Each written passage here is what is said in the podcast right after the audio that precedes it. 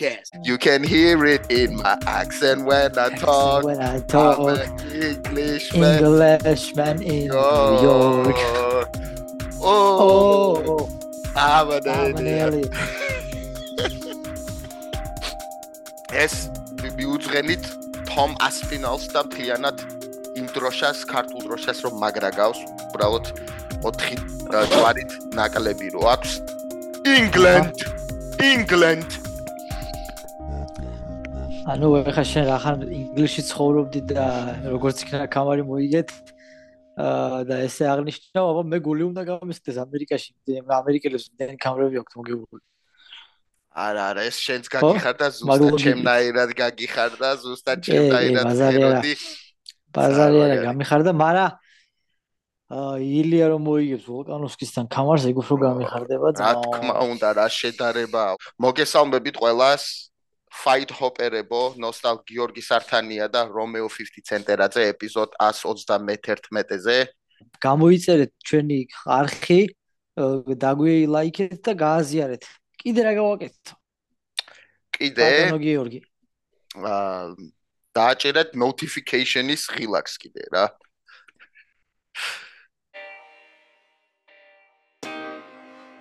დასრულდა UFC 295, ტომი ტომი ასპინალმა დაასრულა სერგეი პავლოვიჩი პირველივე რაუნდში. ინგლის ინგლისელ მაკაცმა ნიუ-იორკში.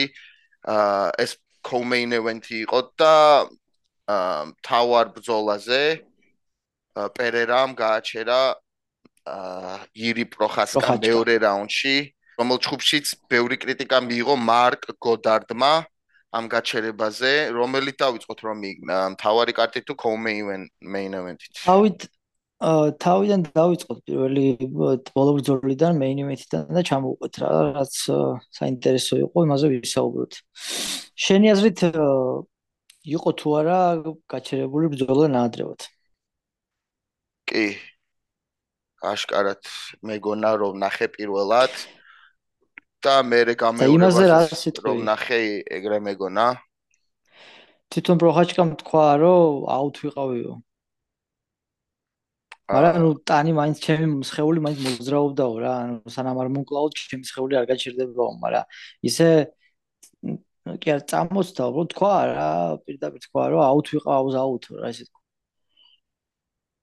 რავი, მე რომ ნახე, მაინც მეგონა რომ ცოტა ადრე იყო. აა პირველ ეგ დარტყმაზე. მაგაში გეთანხმები. მეც ეგრე მომეჩვენა, მაგრამ იმას რა უყო თუ თვითონ ესე თქვა.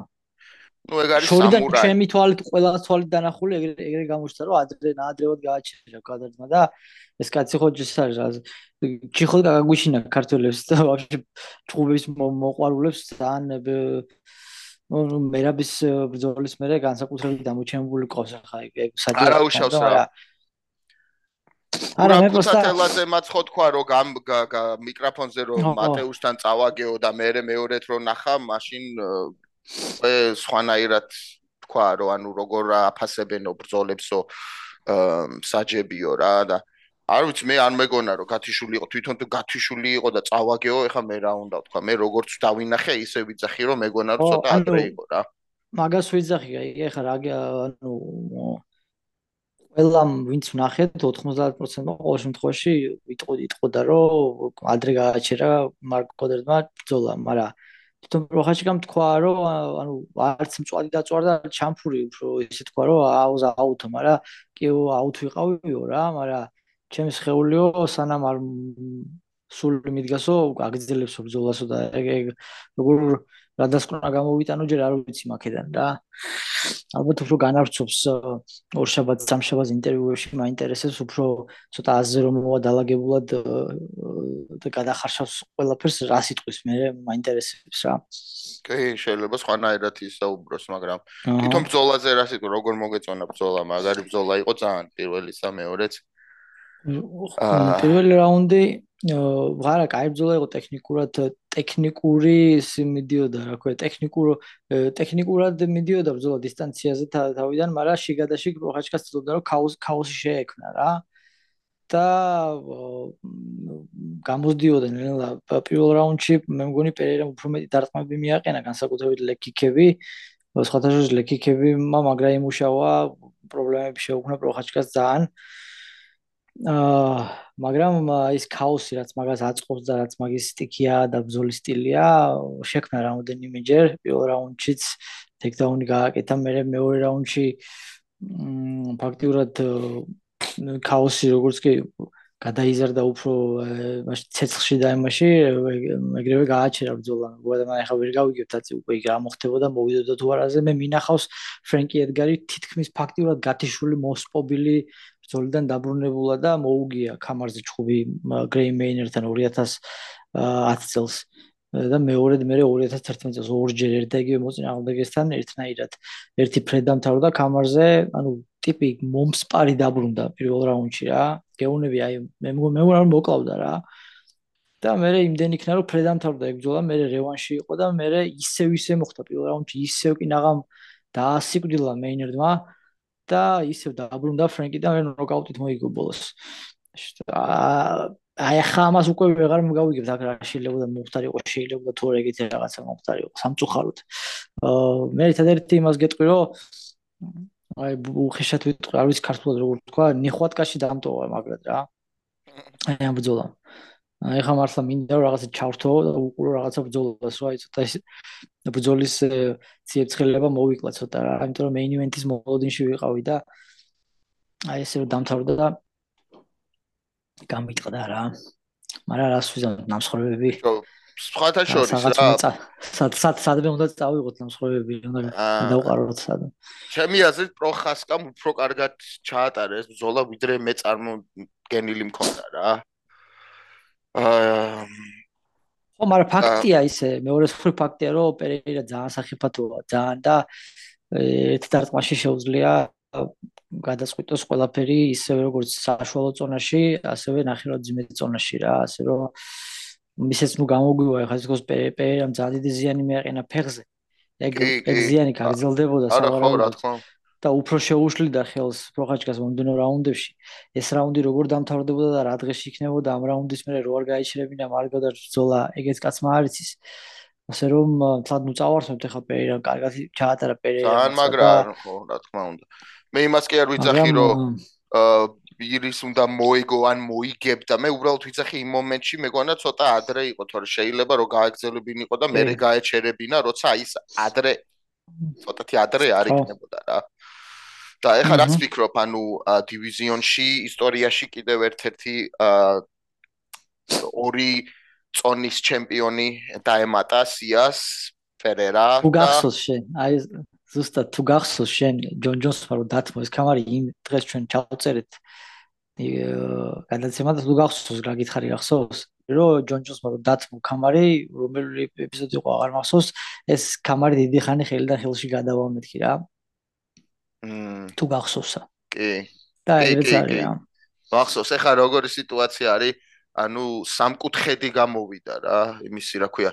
ჯერ ხომ მოიგო იმან ირიმ ხომ მოიგო. მე ჭრილობის გამო გავიდა 4 ჩემპიონი. ჯამალმა აიღო. ჯამალმაც მიიღო წამვა ის ბლახოვიჩის ბლახოვიჩი გამოგჩა ეგეც ჩემპიონი იყო. ხო. ლოვერტეს შეიძლება გამოგჩა. ხუთი ჩემპიონი ყავს რაც ჯონ ჯონსი წავიდა ამ კატეგორია ამ წონით კატეგორიით ხო და ანუ ეხლა ჯამალ ჰილი აჩვენეს ისე რომ თითქოს ჯამალ ჰილი უნდა იყოს შემდეგი რახან მაგას ქონდა კამარი სანამ ეს ბრძოლა დაიწყებოდა ანუ და ალბათ იქნება ჯამალ ჰილი თუ დაბრუნდება, მაგრამ რა თქმა უნდა, ამის პერერას გამოძახება იყო ადესანია რა. ადესანია ისეთი სახელია და რავი UFC-სთვის ისეთი არის, რომ ალბათ რომ მოუნდეს ადესანია სხვალვე შეუძლია, რომ ავიდეს და მართლა ბრძოლოს ახლა პერერას ამ კამარზე, ჩემი აზრით რა. შენ რას ფიქრობ? ხო და ანუ რას ფიქრობ რა, ადესან მაინც ადესანია გამოიძახა და come to daddy-ო, ამოდიო ჩემთანო და მოდი მამასთანო რა. აა და რა რას ფიქრობ უფრო ჯამალ ჰილი იქნება შემდეგი თუ მართლა ადესანია? არ ამგონია საკმარისი ინტერესი არსებობს მაგზოლისის ბიჭო 4 ჯერ იჩხუბეს უკვე. ორჯერ კიკბოქსში ორჯერ MMA-ში რა რა რა ეხლა რამდენი ხანი დაიჩხუბონ ერთმანეთში? ჯამალ ჰილსთან ეკუთვნის ჩემპიონი იყო. ტრავმის გამო დათმო კამარი არ ამგონია რომ მან სხვა ალტერნატივა ან რევანში ან რევანში ან ჯამალ ჰილი რა. ეხა enough is enough ხო? ბიჭო კეთახმები რომ აი მე მე ვფიქრობ მაგას Max Holloway Max Holloway Holloway Volkanovski-ზე ვიძახი ხოლმე რამდენჯერ უნდა იბრძოლა რა მაგრამ ამათ აქვს უფრო რაღაც ისეთი ხოაზე ხარ ბოლოს გათიშა პირიქით ადესანიამ რა. დაიჭირა და წესით ეკუთვნის ამ კაცს რავი თუ უნდა თუ რამე აქვს დასამტკიცებელი და ეხა წავიდა თემა სულ სხვა სულ სხვა დივიზიონზე რა. არა რა ადესანიამ ფეხები რო გაფშიკოს და რა მოინდოს არა რაც უნდა მოხდეს მე ვფიქრობ რომ ჯამალ ჰილი უნდა იყოს რა. ჩემი აზრით ჯამალ ჰილი უნდა იყოს. კი აბსოლუტურად კი. და ჩემი აზრით ჯამალ ჰილს მოუგებს პერეირა მაგრამ ჯამალ ჰილი უნდა იყოს შემდეგი მიუხედავად ამისა რა. ბიჭო თუ ჯამალი ჯამალ ჰილი გამოვიდა კი მაგრამ თუ ჯემალი გამოვიდა მაშინ სხვა კონტი ხოაზე ბიჭო მოდი რა იმაზე გადავიდეთ კომეინ ევენტზე რა? კომეინ ევენტზე გადავიდეთ. სხვათა შორის კომეინ ევენტზე მაქვს ჩემი პირველადი დასკვნები მე რაც დავინახე ხო მე რაც დავინახე როგორ ახლა როგორი სიტუაცია რამდენად განსხვავებული ჩვენ ხო ამას გვაქვს ადრე ნასაუბრები რომ MMA-ში და ბოქსშიც არსებობენ წონები, კატეგორიები, ხო? და არის ბოლოს ძიმე წონა ყველაზე დიდი წონა და ძიმე წონა თითქოს სხვა სპორტია, ცალკეა. აი ამ წონებისგან და რატო ეხა უყურე? ჩემი აზრით, ჩემი გადმოსახედიდან დღესაც ვნახე, ხო, კომენიუნში.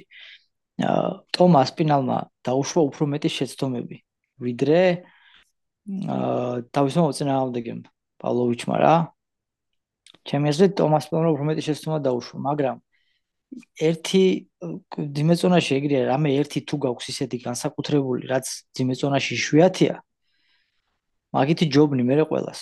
ზოგი ამას ახერხებს კაი ჭიდაობის ხარზე იმიტომ რომ ჭიდაობა იშვიათია იმაში კაი ჭიდაობა იშვიათია დიმეწონაში ზოგი ახერხებს ჯიუჯიტსუს ხარზე იმიტომ რომ ჯიუჯიტსუს კარგი ჯიუჯიტსუს იშვიათია დიმეწონაში ზოგადად ტექნიკური ხარეები იშვიათია. უფრო დარტყმის ძალაზე ხო დაფუძნებული ძიმეწონა და ნოკაუტებზე და მაგით უყარს ხალხს. დარტყმა კიდე თითქმის ყველას აქვს ნოკაუტის დარტყმა ძიმეწონაში და აკაც ისეთი სიტუაცია იყო ორივეს ქონდა დარტყმა. ისეთი დარტყმა რომელიც გაცეშვა შეუულია მოწინააღმდეგეზე ერთი დარტყმით. მაგრამ მოხდა ისე რომ იმის გამო რომ ასპინალს გაცლებით მეტი სისწრაფე აქვს. მივიდა პირველი დანიშნულების ადგილას და მოიგო ბძოლა მაგის ხარჯზე რა ანუ სისტრაფის ხარჯზე მოიგო დღეს. თორე ისე როგორც რო შევხედოთ ხო ჩემი აზრით უფრო გამართულად იბძოდა და უფრო ნაკლებ შეცდომებს უშვებდა პავლოვიჩი რაც რაც გაგზელდა ბძოლა და რაც მოასწრეს. ბძოლა იქიდან გამომდინარე ვიძახი გაცილებით მეტი შეცდომები დაუშვა ასპინალმა რა. მაგრამ სისტრაფის ხარჯზე ეს აღმოფხრა მაინც უფრო სწრაფად და შეძლო გამარჯვების მოპოვება რა. მესამე ჩემპიონი დაინიშნა ინგლისელის, ანუ ინგლისელების მესამე ჩემპიონი თომას ფინალოვანთ. ეს ხამარი მესამე რატო? მეორე ვინ იყო? ლიონ ედვარდსი და ტომი ასპინალი რა. ხო. ანუ ეხლა ყავთ ორი ჩემპიონი. უბრალოდ ეს ითვლება ეხლა რომი არ მახსოვს ეს ის იყო, ანუ დროებითი გამოვიდა თუ ამ დისპიუტით გამოვიდა. როგორ უნდა იყოს ეს ან დისპიუტით, როცა აა ჯონ ჯონს უჭირავს ეს კამარი და ტრამვის გამო გამოეთიშა ბძოლას მიოჩისთან. ანუ ეს წესი დროებითი კამარი გამოდის. როცა კამარს აწერია სოფლიო ჩემპიონი, შენ ხარ სოფლიო ჩემპიონი. ეხლა რას ფიქრობ, რომ ჯერ იქნება სტიპეს და ჯონ ჯონსის ბრძოლა? თუ პირდაპირ ჯონ ჯონს ჯონ ისა სტიპე ან ჯონ ჯონსი მოინდომებს ასპინალთან ბრძოლას თუ ანუ რა სიტუაცია არის ხა რა როგორ უნდა იყოს ორი ჩემპიონი არის დივიზიონში ხო? ჯონ ჯონსი და ასპინალი აა ნუ რა რა ძალიან მარტივადაა მან საქმე ჯონ ჯონსი თუ მოასწრებს სწრაფად გამოჯანმრთელებას სავარაუდოდ იბრძოლებენ ჯონ ჯონსი და ტომას პინალი რა. ანუ შენ ფიქრობ, რომ სტიპე და ჯონ ჯონსის ბრძოლა ბრძოლა აღარ სურს UFC-ს, ახან ჩაიშალა ამის გამო? სტიპე და სტიპე და ჯონ ჯონსის ბრძოლა თავის დროზე არიწევდა რაღაც სასწაულ ნებათა ღელვას მასებში იმ მარტივი მიზეზის გამო რომ სტიპე 40-ს გადაცილებულია და თუ ესე რომ იყვნენ თავისი მოჭამა მაგრამ დიდი ხნის წინ. ის მებრძოლი აღარაა საერთოდ არ არის იმასთან ახლოს რაც იყო პიკში რა. და საერთოდ თავის დროზე არ ქონდა მაგბრძოლას დიდი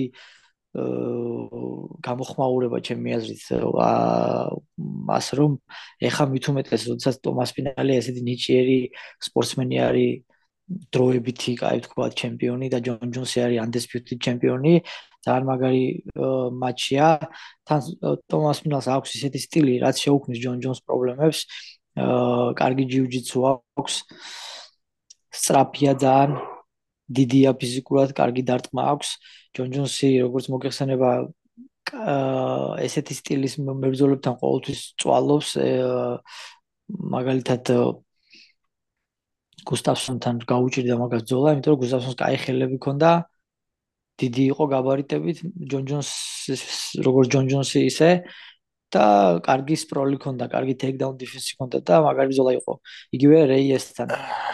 ასე რომ ეს უფრო მიმზიდველი ბრძოლაა ჩემთვის, ჩემი აზრით და უმეტესობა ფანებისთვისაც და თვითონ UFC-თვისაც უფრო და ლოგიკურად ეხა უკვე აზრი არ აქვს ტიპეს ჩაკვეხებას უხეშა ეხა ბოდიშ ვიხდი ასეთი მისთვის სტიპეს მე ძალიან დიდ პატრიოტს ვცემ ერთ-ერთ საუკეთესო ჩემპიონია მძიმეწონების ისტორიაში UFC-ში, მაგრამ ეხა უკვე ეს ტიპი ამოვარდა სურათიდან აი ამ სიტუაციის გამო რა. იმ შემთხვევაში ჯონ ჯონსი ვერ ჯონ ჯონსი ვერ გამოჯამთელება დიდი ხანი კიდე, მაშინ შეიძლება და კიდე ერთი ბრძოლა შედგეს ასპინალსა და სტიპეს შორის რა. თორე სხვა მხრივ ჯონ ჯონს უკვე გინდა თუ არ გინდა უწევს ასპინალთან მომდენო ბრძოლა რა. სტიპესთან ბრძოლა ამოიშალა. მაშინ ისევ როგორ უნდა რაღაცა უნდა მოხდეს, დაინიშნოს უნდა ჯონ ჯონსი და ასპინალის ბრძოლა, მე ასპინალმა უნდა მიიღოს ტრავმა და ჩასვან სტიპე მე. ჩემი აზრით უფრო დიდი ბრძოლა იქნება UFC-თვის ბიზნესის მხრიდან და ფულის მხრიდან. სტიპე მიოჩიჩი ჯონ ჯონსი არის უფრო ბევრი pay-per-views აა ფული ვიდრე თომას პინოლ ჯონსი ზღაპარია ეხა ზღაპარია. როდესაც როდესაც ყავს ჩემპიონი და ყავს დროებითი კამრის მფლობელი 150%-ით 200%-ით მომდენო ბრძოლა შედგება ამ ორ შორის თუ ორივე ჯამთელები არიან ეს არის აქსიომა. ასე რომ ამას ეთანხმები, ანუ ვისაც კამ ვინცაც უჭირავს კამარი და დროებითი კამარი, ეგორი უნდა შეხვდნენ ერთმანეთს, ხო, მაგრამ ანუ შეგონია რომ სტიპე მიოჩიც ნო ეგრე უზამენ? I don't know man. Sounds hard man. მოკლედ არ ვიცი რა. მაგრამ საინტერესო იქნება. მე მირჩევლია რომ ნახო ჯონ ჯოუნსი და სტიპე. და თუ სტიპე მოიგებს თუ წააგებს, ალბათ სტიპე დაანებებს კარიერას, დაამთავრებს და თუ მოიგო ჯონ ჯოუნზმა, შეიძლება მაგა თვითონ ჯონ ჯოუნზმაც დაამთავროს, იმიტომ რომ ინტერვიუებში მოსმენილი მაქვს, რომ რაღაც ინტერესი არ აქვს, ანუ ეხა ახალ თაობასთან ამ ახალგაზრდებთან ბრძოლა. ეგ ჩხუბი არ მოხდება. мотиваციას არ არის. აიხანი არ მოხდება. გეუნები კიდე ახლა თუ ვიღაცა მისცევ ტრავმა არ მიიღო ჯონ ჯონსა და სტივ მესა ასპინალ შორის ეგ ბძოლა არ მოხდება და ტყილა ოცნებობ ხა ტყილა ლაპარაკო აბსოლუტურად მაგაზე ჩემი მოგზალებული აზრი. არ ოცნებაზე არ არის ანუ რა უნდა იყოს შემდეგი რა ამ ტიტულზე რა ტომი ასპინალმა მოიგო ჯონ ჯონსი არის ისა დაჭრილი და ანუ შემდეგი ტიტული ვის ვის ეკუთვნის და რა ბძოლა იქნება შემდეგი დაცვა რა ვის ეკნება რა ალბათ ისე ტომი ასპინალს ჯონ ჯონს versus tom aspinall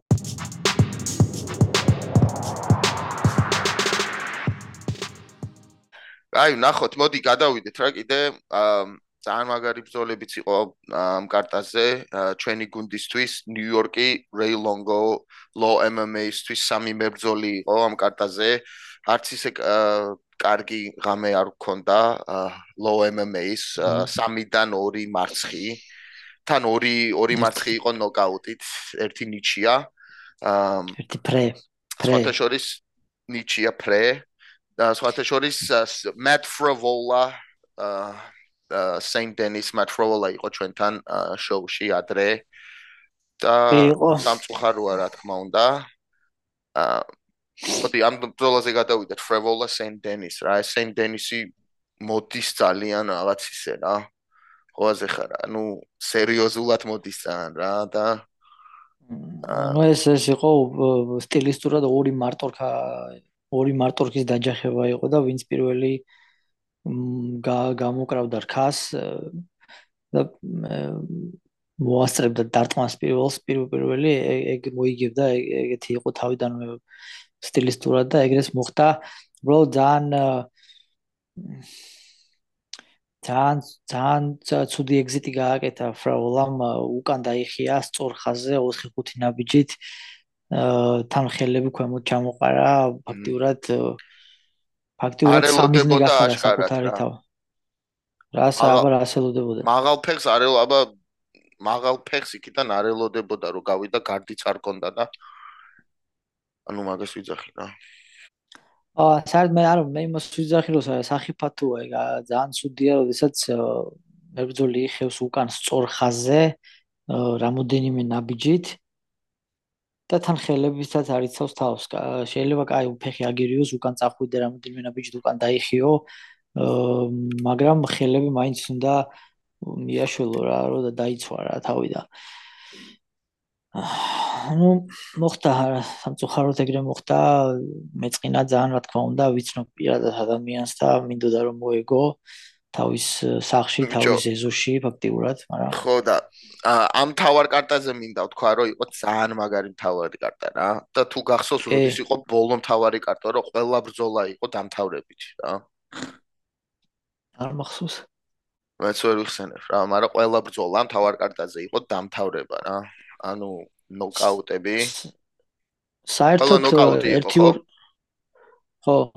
ერთი ორ ერთი ორ მეინ ივენტს თუ გამოვაკლებთ და არ ჩავთვლით.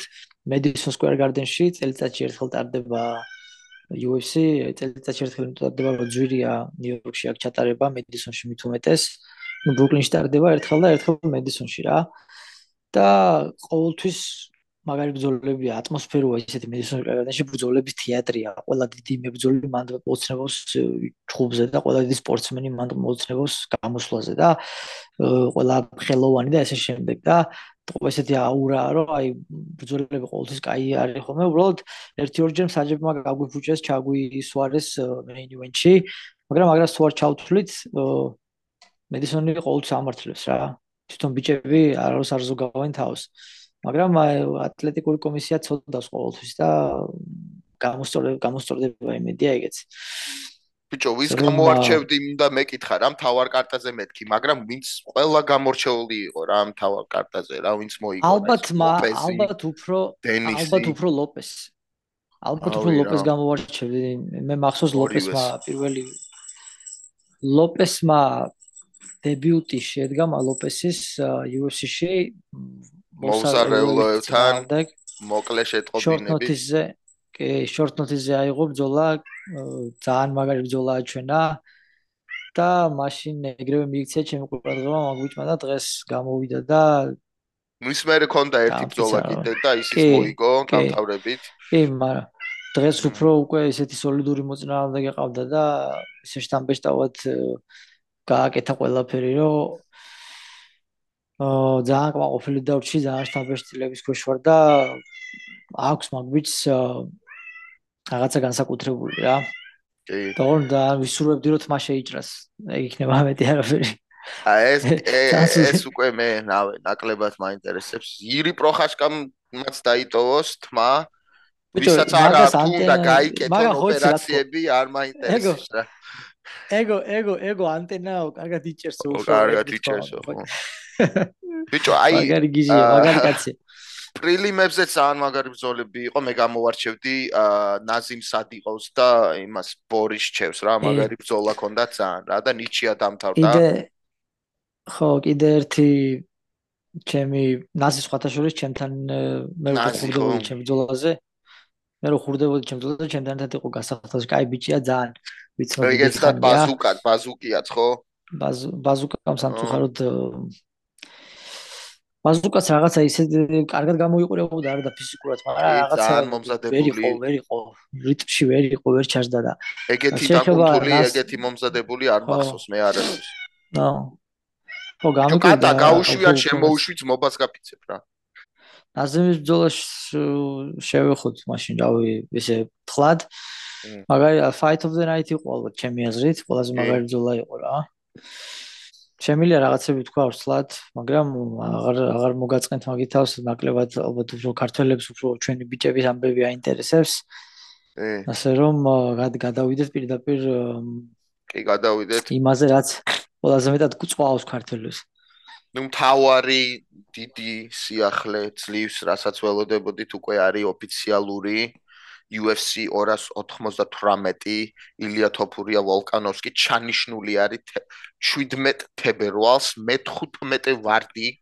თუ ნანახი არა გაქვთ ვინმეს ისა რა ქვია. პრომო ილიამ რო გააკეთა ეს ვარდის. მოკლედ ეს არის ჩვენი აა ვიცი აი ის საქართველოს საქართველოს ისტორიაში ეს არის პირველი და უდიდესი ბრძოლა რახან? ილია თოფურია იბრძვის კამარზე, UFC-ს კამარზე და ძალიან დიდი შანსი არის და მჯერა რომ იქნება პირველი გვეყოლება პირველი ქართველი ჩემპიონი. კი და მე მე რიცი ისი იმედი მაქვს ძალიან მინდა რომ საქართველოს გაპიარდეს უფრო ამჯერად ამ ბრძოლაზე და გაჟღერდეს უფრო ხშირად რა. პრო ესპანეთი იმაშვება, ეხა ანათებს, რახან ესპანეთში ცხოვრობს.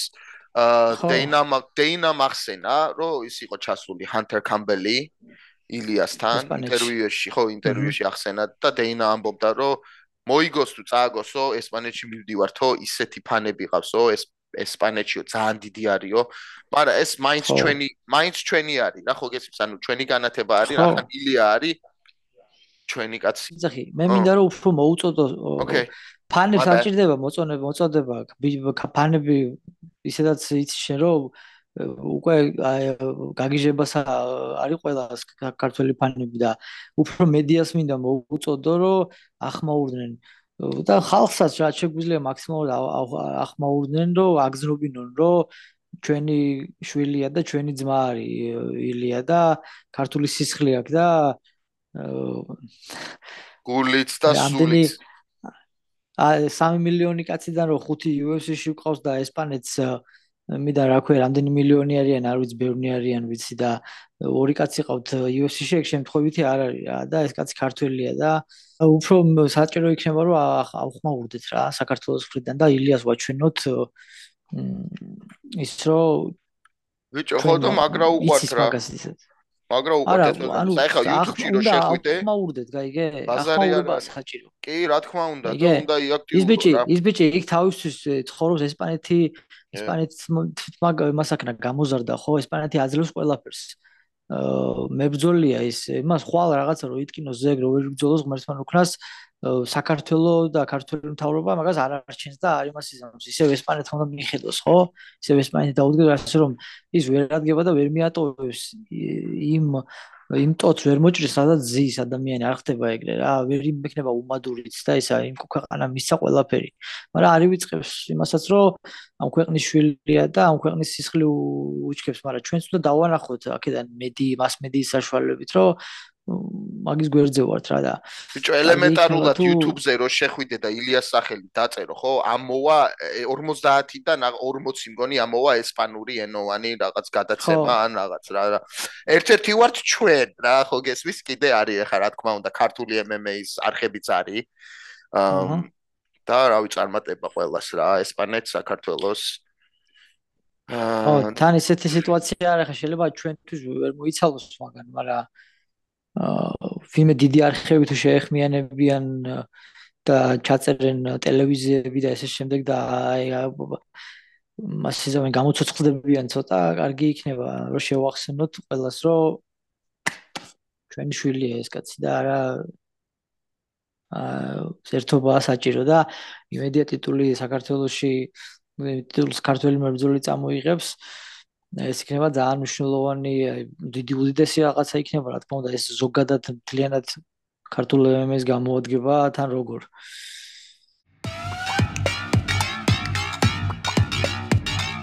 მანამდე ანუ ილიას ბზოლას ანამ იქნება ტიტულზე ჯერ არის 296 UFC 296 Iga versus Josh Emmett 17 დეკემბერს.